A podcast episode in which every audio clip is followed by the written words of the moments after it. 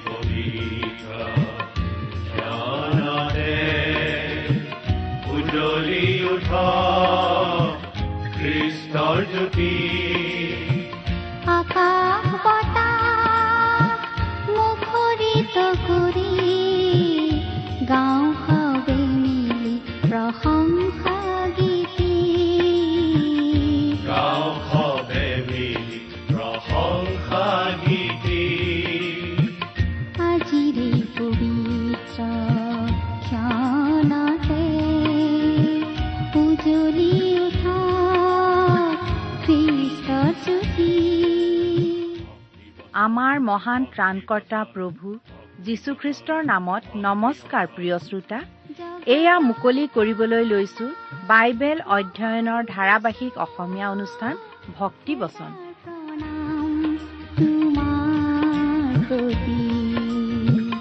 মহান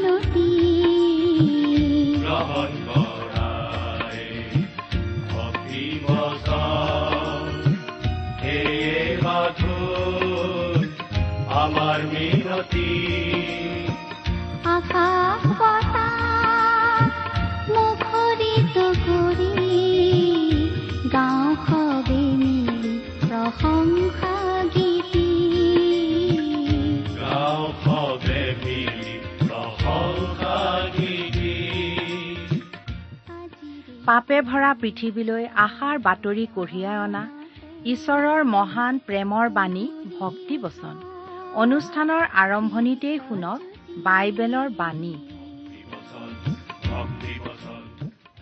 আমাৰ পৰম পবিত্ৰ প্ৰভু যীশুখ্ৰীষ্টৰ নামত নমস্কাৰ প্ৰিয় শ্ৰোতা। আপোনাৰ ভালনে বাৰু? আশা কৰোঁ পৰম পিতা পৰমেশ্বৰে আপোনাক ভালে কুশলে ৰাখিছে। এয়া আকৌ আপোনালোকৰ ওচৰলৈ আহিছোঁ। ঈশ্বৰৰ মহান বাক্য বাইবেল শাস্ত্ৰ অধ্যয়নৰ বাবে। আপুনি বাৰু এই অনুষ্ঠান শুনি কেনে পাইছে? অনুগ্ৰহ কৰি আমালৈ চিঠি লিখি জনাবচোন। আমাৰ ঠিকনা ভক্তিবচন টি ডব্লিউ আৰ ইণ্ডিয়া ডাক বাকচ নম্বৰ সাত শূন্য গুৱাহাটী সাত আঠ এক শূন্য শূন্য এক। ভক্তিবচন T W R India post box number seventy Guwahati seven eight one zero' zero' one. আমাৰ website W W W dot radio' eight eight two dot com প্ৰিয় শ্ৰোতা আপুনি যদি আমাৰ এই ভক্তিবচন অনুষ্ঠান নিয়মিতভাৱে শুনি আছে তেনেহলে আপুনি নিশ্চয় জানে যে আমি আজি কিছুদিনৰ পৰা বাইবেলৰ নতুন নিয়ম খণ্ডৰ পিতৰৰ দ্বিতীয় পত্ৰ নামৰ পুস্তকখন অধ্যয়ন কৰি আছো। নহয় জানো? আমি বাৰু যোৱা অনুষ্ঠানত আলোচনা কৰা কথাখিনি আপোনাৰ মনত আছেনে? যোৱা অনুষ্ঠানত আমি এই দ্বিতীয় পিতৰ পুস্তকৰ তিনি নম্বৰ অধ্যায়ৰ অধ্যয়ন আৰম্ভ কৰিছিলোঁ। আৰু তিনি নম্বৰ অধ্যায়ৰ চাৰি নম্বৰ পদলৈকে পঢ়ি আমাৰ অধ্যয়ন আগবঢ়াই লৈ গৈছিলোঁ। আমি বিশেষভাৱে এটা কথা পাইছিলোঁ যে শেষকালত বিদ্ৰূপকাৰীবিলাক ওলাব। এই বিদ্ৰূপকাৰীবিলাকে নিজ নিজ অভিলাষৰ বশৱৰ্তী হৈ চলে। ঈশ্বৰৰ প্ৰতি বাধ্য হৈ নচলে। ঈশ্বৰৰ বাক্য পালন নকৰে। তেওঁলোকে বহুতেই নিজকে খ্ৰীষ্টীয় বিশ্বাসী বুলি চিনাকি দিলেও আচলতে কিন্তু তেওঁলোকে বাইবেলৰ কথাবোৰ মানি ল'ব নোখোজে। এই বিদ্ৰূপকাৰী লোকবিলাকে খ্ৰীষ্টীয় বিশ্বাসী লোকসকলক নানা ধৰণে ঠাট্টা মস্কৰা কৰে। বিশেষকৈ তেওঁলোকে যীশুখ্ৰীষ্টৰ পুনৰ আগমনৰ বিষয়টো লৈ ঠাট্টা বিদ্ৰূপ কৰে। খ্ৰীষ্টীয় বিশ্বাসীসকলে বিশ্বাস কৰে যে এদিন প্ৰভু যীশু আহি এই পৃথিৱীৰ পৰা খ্ৰীষ্টীয় বিশ্বাসীসকলক উঠাই লৈ যাব। তাৰ পাছতেই এই পৃথিৱীত সাত বছৰ কাল ধৰি মহাক্লেশ চলিব। এই মহাক্লেশৰ পিছতেই প্ৰভু যীশু আহিব আৰু এই পৃথিৱীত তেওঁৰ ন্যায় শাসন প্ৰতিষ্ঠা কৰিব। এই কথা খ্ৰীষ্টীয় বিশ্বাসীসকলে বিশ্বাস কৰে কাৰণ প্ৰভু যীশুৱে নিজে প্ৰতিজ্ঞা কৰি থৈছে। কিন্তু সেই বিদ্ৰূপকাৰী লোকবিলাকে এই কথা বিশ্বাস নকৰে। তেওঁবিলাকে খ্ৰীষ্টীয় বিশ্বাসী লোকসকলক এই বুলি ঠাট্টা কৰে। প্ৰভু যীশুৰ পুনৰাগমনৰ প্ৰতিজ্ঞা ক'ত? তেওঁ দেখোন আজিলৈকে নাহিল। অতীতৰে পৰা এতিয়ালৈকে দেখোন সকলো একেই আছে। একো সলনিয়েই হোৱা নাই। এনেদৰে বিদ্ৰূপকাৰী লোকবিলাকে খ্ৰীষ্টীয় বিশ্বাসীসকলক ঠাট্টা মস্কৰা আজিকালিও কৰে। কিন্তু প্ৰভু যীশুৰ পুনৰাগমন হ'বই। তেওঁৰ প্ৰতিজ্ঞাৰ লৰচৰ নহয়। তেওঁলোকে কথাবোৰ বুজি নোপোৱাৰ কাৰণেহে তেনেদৰে কয়। আজিৰ অনুষ্ঠানত আমি এই দ্বিতীয় পিতৰ পুস্তকৰ তিনি নম্বৰ অধ্যায়ৰ পাঁচ নম্বৰ পদৰ পৰা আমাৰ আলোচনা আৰম্ভ কৰিব খুজিছোঁ। আহকচোন প্ৰিয় শ্ৰোতা আমাৰ আজিৰ বাইবেল অধ্যয়ন আৰম্ভ কৰাৰ আগতে পৰম পিতা পৰমেশ্বৰৰ ওচৰত প্ৰাৰ্থনাত মূৰ্ণত কৰোঁ হওক আমি প্ৰাৰ্থনা কৰোঁ। স্বৰ্গত থকা আমাৰ অসীম দয়ালু কৰোণাময় পিতা তোমাৰ মহান নামৰ ধন্যবাদ কৰোঁ। সকলো গৌৰৱ প্ৰশংসা তুমিয়েই পাবৰ যোগ্য। এই বিশ্ব ব্ৰহ্মাণ্ডৰ তুমিয়েই গৰাকী। তোমাৰ আগত আমি অতি নগণ্য আমাৰ একো নাই যাৰে আমি তোমাক সন্তুষ্ট কৰিব পাৰোঁ।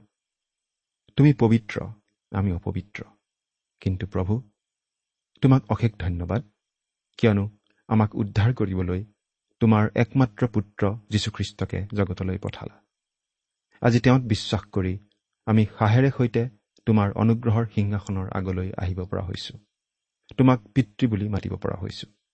এতিয়া প্ৰভু আমি তোমাৰ মহান বাক্য বাইবেল শাস্ত্ৰ অধ্যয়ন কৰিবলৈ আগবাঢ়িছোঁ। তুমি আমাক শিকোৱা বুজোৱা আমাক বিশেষভাৱে কথা কোৱা। আমাৰ আগত নিজকে প্ৰকাশ কৰা। এই অনুষ্ঠান শুনি থকা প্ৰতিজন শ্ৰোতাক তুমি বিশেষভাৱে কথা কোৱা। তেওঁলোকৰ জীৱন আশীৰ্বাদপূৰ্ণ কৰি তোলা। তেওঁলোকৰ হৃদয় সৰগীয় শান্তি আনন্দেৰে উপচাই দিয়া। তেওঁলোকৰ জীৱন সফল কৰি তোলা। কিয়নো এই প্ৰাৰ্থনা আমাৰ মহান ত্ৰাণকৰ্তা জীৱিত প্ৰভু যীশুখ্ৰীষ্টৰ নামত অৰ্পণ কৰিছো। আমেন।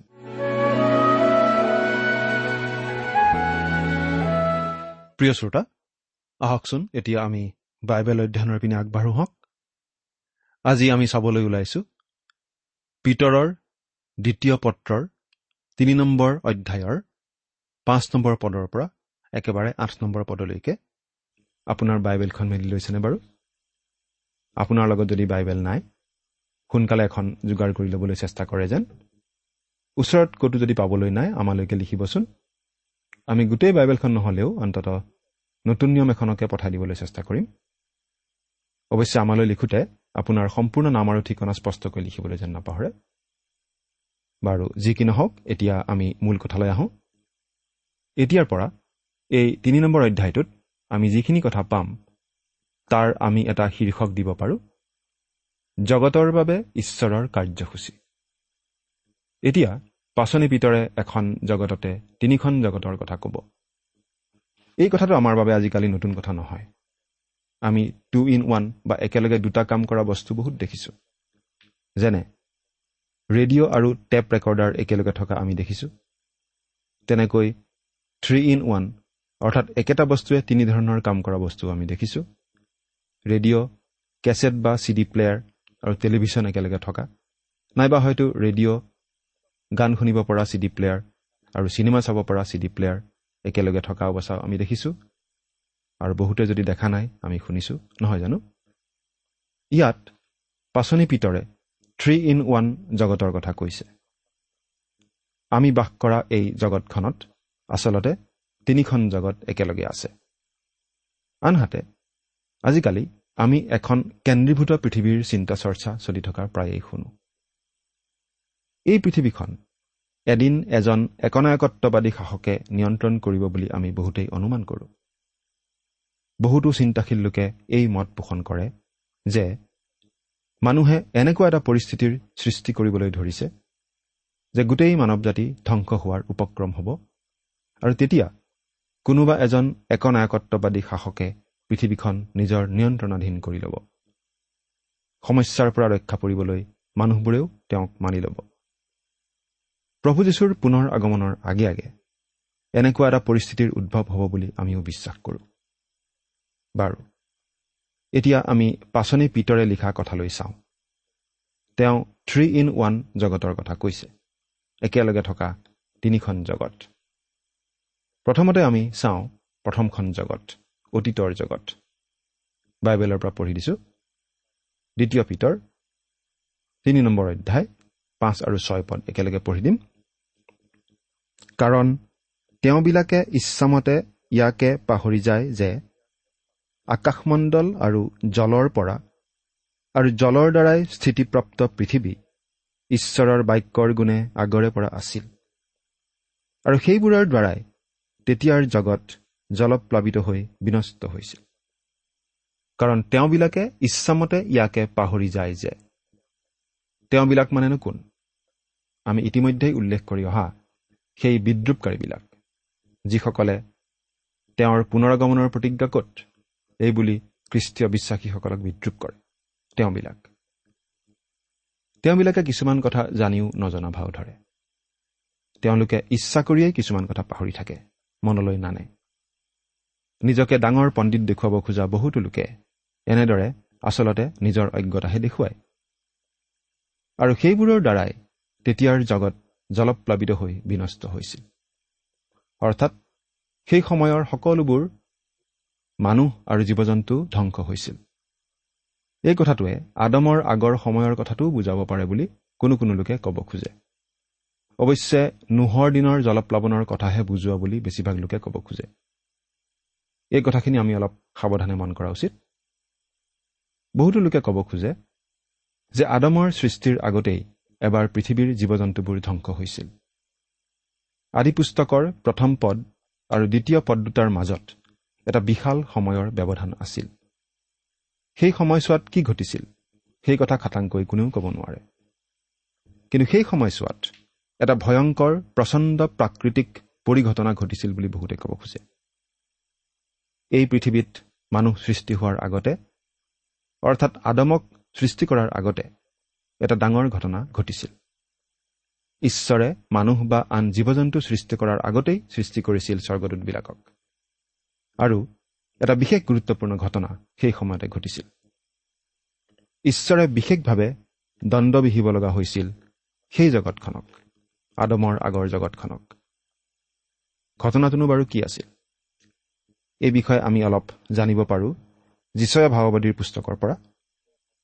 বাইবেলৰ পৰা পঢ়ি দিছোঁ হে দীপ্তিময় প্ৰভাতীয় তৰা তুমি আকাশৰ পৰা কেনে ৰূপ পতিত হলা? আৰু জাতিবিলাকক নিপাত কৰোঁত আজি তুমি তুমি চিহ্ন হৈ কেনে ৰূপে মাটিৰ সমান হলা? তুমি মনতে ভাবিছিলা মই স্বৰ্গলৈ উঠি ঈশ্বৰৰ তৰাবোৰৰ ওপৰত মোৰ সিংহাসন ওখ কৰি স্থাপন কৰিম। আৰু উত্তৰ দিশৰ অন্তসীমাত সভাগিৰিত মই বহিম। মই মেঘবোৰতকৈও ওখ ঠাইত উঠিম। মই সৰ্বোপৰি জনাৰ তুল্য হ'ম। যিচয়া চৈধ্য অধ্যায় বাৰৰ পৰা চৈধ্য পদ। ইয়াত ছয়তানৰ বিদ্ৰোহৰ কথা কোৱা হৈছে। ছয়তান ঈশ্বৰৰ নিচিনা হ'ব খুজিছিল। ছয়তানে ঈশ্বৰৰ স্থান ল'ব খুজিছিল। ঈশ্বৰৰ যি পদমৰ্যাদা সেই মৰ্যাদা ছয়তানে নিজে ল'বলৈ বিচাৰিছিল। আজিও এই পৃথিৱীৰ বহুতো মানুহে একো একোজন সৰু সৰু ঈশ্বৰ বা দেৱতা হ'ব বিচাৰে। যি মানুহে নিজৰ প্ৰচেষ্টাৰে ধাৰ্মিক বুলি পৰিগণিত হৈ মুক্তি অৰ্জন কৰিব বিচাৰে। যি মানুহে ভাবে যে তেওঁ নিজৰ ধৰ্ম কৰ্ম সৎকৰ্মৰ বলতেই স্বৰ্গলৈ যোৱাৰ উপযুক্ত হ'ব তেনেকুৱা মানুহে এটা কথা পাহৰি যায় যে তেওঁলোকে এজন পবিত্ৰ ঈশ্বৰৰ সন্মুখত থিয় হ'ব লাগিব। তেনে মানুহে এই কথা পাহৰি যায় যে মানুহ আচলতে স্বভাৱতেই পাপী। মানুহ হেৰাই থকা অৱস্থাত আছে আৰু মানুহৰ মুক্তিৰ বাবে পৰিত্ৰাণৰ বাবে ঈশ্বৰে এটা পথ প্ৰস্তুত কৰি ৰাখিছে। প্ৰভু যীশুৱেই সেই পথ। তেওঁ কৈছিল মই এই বাট আৰু সত্য আৰু জীৱন। মোৰ যুগেৰে নেগলে পিতৃৰ ওচৰলৈ কোনো নাযায়। জোহন চৈধ্য অধ্যায় ছয় পদ। এই কথা কোনো সাধাৰণ মানুহে কোৱা কথা নহয়। মানুহ ৰূপত অহা ঈশ্বৰে কোৱা কথা। আৰু যদিহে আপুনি ভাবে যে আপুনি নিজেই পিতৃ ঈশ্বৰৰ ওচৰলৈ যাব পাৰিব তেনেহ'লে আপুনি আচলতে এনেদৰে কোৱাৰ নিচিনা হ'ব। ঈশ্বৰ অলপ আঁতৰি দিয়াচোন। মই তোমাৰ কাষত বহিবলৈ আহিছোঁ কাৰণ ময়ো এজন ঈশ্বৰৰ নিচিনাই। প্ৰিয় শ্ৰোতা কথাখিনি শুনাত অলপ কঠোৱা যেন হ'লেও কিন্তু সত্য। আমি নিজৰ প্ৰচেষ্টাৰে স্বৰ্গলৈ যাব খোজা মানে নিজকে ঈশ্বৰৰ সমকক্ষ বুলি ক'ব খোজাৰ নিচিনা হয়। আৰু ছয়তানৰ আকাংক্ষাও এয়েই আছিল। ছয়তানে ঈশ্বৰৰ স্থান ল'ব খুজিছিল আৰু ফলস্বৰূপে ঈশ্বৰে ছয়তান আৰু তাৰ লগৰ বিদ্ৰোহী স্বৰ্গদূতবোৰক স্বৰ্গৰ পৰা খেদি পঠিয়াব লগা হৈছিল। এই ঘটনাবোৰ ঘটিছিল আদমৰ সৃষ্টিৰ আগতে। পৃথিৱীত মানুহৰ সৃষ্টি হোৱাৰ আগতে। পাচনি পিতৰে এই বিশেষ ঘটনাটোৰ কথা বুজোৱা বুলি কোনো কোনো লোকে ক'ব খোজে। আন কিছুমান পণ্ডিতৰ মতে ইয়াত পাচনি পিতৰে নোহৰ দিনৰ জলপ্লাৱনৰ কথাকে বুজাইছে। বেছিভাগ বাইবেল পণ্ডিতে এই কথাটো মানি লয় যে এই পদটোত পাচনি পিতৰে নোহৰ দিনত পৃথিৱীত যি জলপ্লাৱন হৈছিল সেই জলপ্লাৱনৰ কথাকে বুজাইছে। নোহৰ দিনত জলপ্লাৱন হৈছিল আৰু সেই সময়ত পৃথিৱীত বাস কৰা মানুহ আৰু জীৱ জন্তুবোৰ ধ্বংস হৈছিল। অৱশ্যে মাত্ৰ আঠজন নৰ নাৰী নোহক ধৰি আৰু প্ৰতিবিধ জীৱ জন্তুৰ দুটাকৈ ৰক্ষা পৰিছিল। নোহৰ জাহাজত উঠি। নোহৰ দিনত যে জলপ্লাৱন হৈ পৃথিৱীৰ জনপ্ৰাণী ধ্বংস কৰা হৈছিল সেই কথাৰ বহুতো প্ৰমাণ আজি আমাৰ হাতত আছে। কলডিয়াবিলাকৰ বাসস্থান উৰ অঞ্চলত চলোৱা বিশেষ খনন কাৰ্যৰ পৰা এই কথাটো জনা গৈছে যে বহুতো উচ্চ পৰ্যায়ৰ সভ্যতা ধ্বংসপ্ৰাপ্ত হৈছিল। খনন কাৰ্য চলাওঁতে পুৰাতত্ববিদসকলে ঠাইবোৰ বৃহৎ বৃহৎ গেদ বোকা বালি আদিৰে পোত গৈ থকা অৱস্থাত পাইছে। আৰু এই কথাটোৱে এটা প্ৰচণ্ড বানপানী হোৱাৰ কথাকেই প্ৰমাণ কৰে।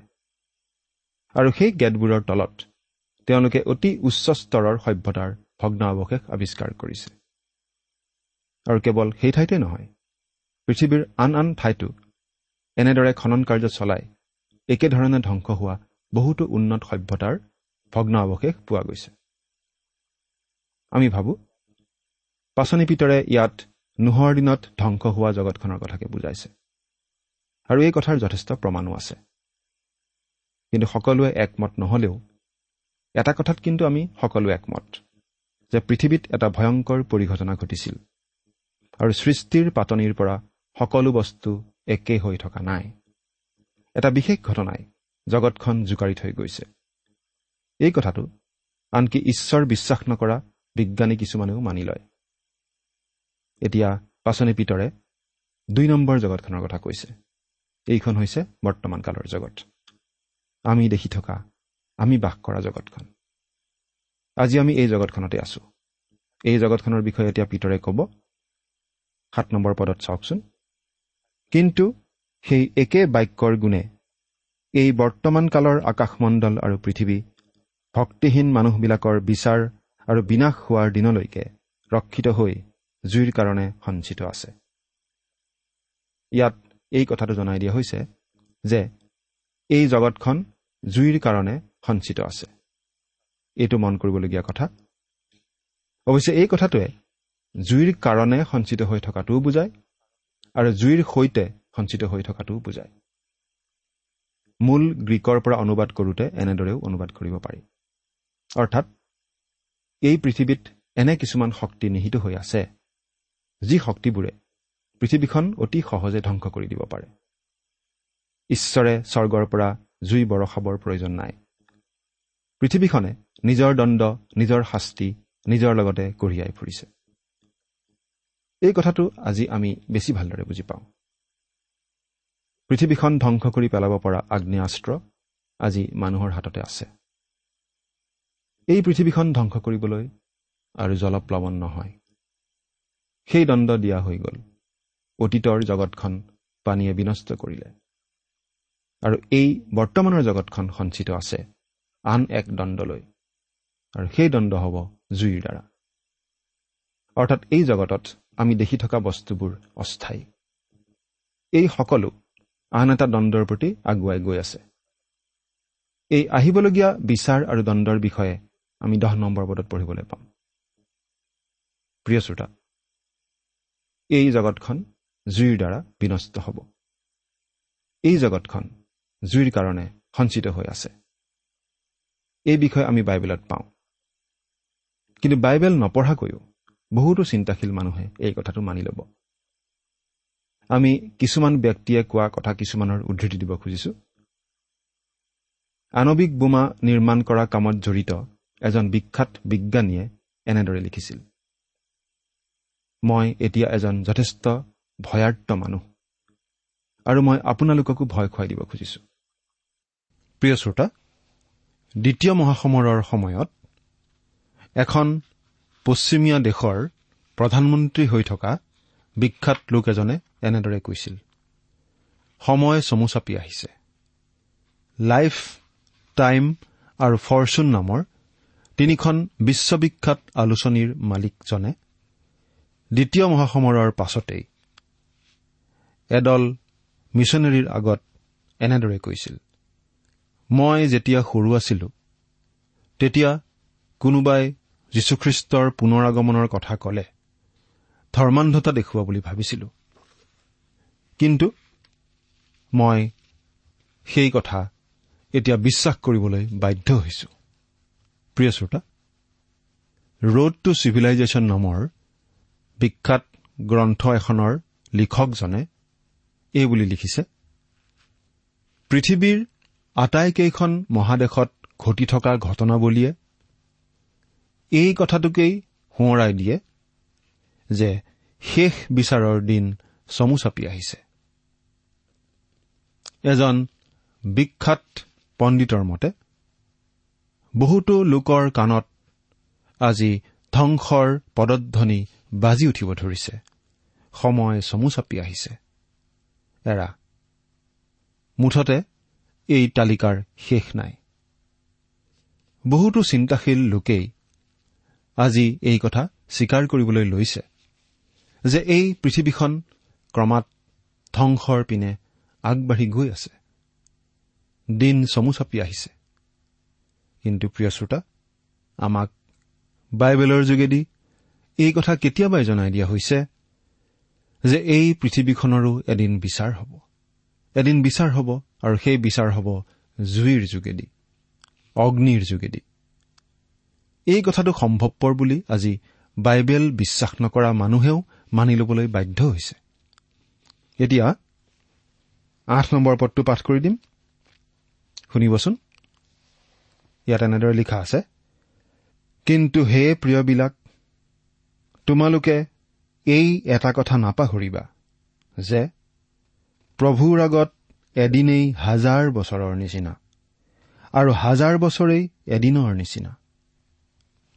প্ৰিয় শ্ৰোতা এই জগতখন ধ্বংস কৰিব প্ৰভুৰ দিনত। এই প্ৰভুৰ দিন মানে সাত বছৰ ধৰা মহাক্লেশ আৰু প্ৰভু যীশুৰ এহেজাৰ বছৰীয়া শাসনৰ কালচোৱা। সেই মহাক্লেশৰ সময়ছোৱা আৰু তাৰ পিছতেই এই পৃথিৱীত প্ৰভু যীশুৱে যি এহেজাৰ বছৰ ন্যায় শাসন চলাব সেই কালচোৱা।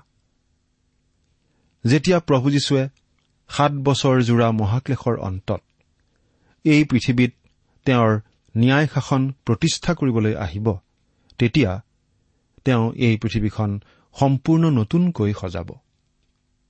কিন্তু সেই কামটোও স্থায়ী নহ'ব। তেওঁৰ এহেজাৰ বছৰীয়া শাসনৰ অন্ততহে এই জগতখন সম্পূৰ্ণ নতুনকৈ সৃষ্টি কৰা হ'ব। আৰু সেই কথাকেই পাচনি পিতৰে ইয়াত কৈছে। গতিকে আজিও যদি প্ৰভু যীশুখ্ৰীষ্ট আহি খ্ৰীষ্টীয় বিশ্বাসীসকলক এই পৃথিৱীৰ পৰা উঠাই লৈ যায় তেতিয়াহ'লে আৰু এহেজাৰ সাত বছৰৰ পাছতহে এই পৃথিৱীখন ধ্বংস কৰি সম্পূৰ্ণ নতুনকৈ ঈশ্বৰে সৃষ্টি কৰিব বুলি আমি ক'ব পাৰোঁ। এৰা ঈশ্বৰে এদিন নতুন আকাশমণ্ডল আৰু নতুন পৃথিৱী সৃষ্টি কৰিব। আজি আমি দেখি থকা এই সকলোবোৰ লুপ্ত হ'ব। কিন্তু আমি অতি দৃঢ়তাৰে এটা কথা ক'ব পাৰোঁ যে প্ৰভু যীশুখ্ৰীষ্টত বিশ্বাস স্থাপন কৰি পৰিত্ৰাণ লাভ কৰা লোকসকল কিন্তু লুপ্ত নহয়। তেওঁবিলাকে অনন্তকালৰ বাবে প্ৰভু যীশুখ্ৰীষ্টৰ সৈতে বাস কৰিবলৈ পাব। এই কথাটোৱে বাৰু আজি আপোনাৰ মনত বিশেষ সাহস যোগায়নে? যদিহে আপুনি খ্ৰীষ্টত আশ্ৰয় লৈছে আপোনাৰ মনত সাহস নিশ্চয় যোগায় নহয়নে বাৰু? চিন্তা কৰি চাওকচোন। ঈশ্বৰে আপোনাক আশীৰ্বাদ কৰক। আহমেদ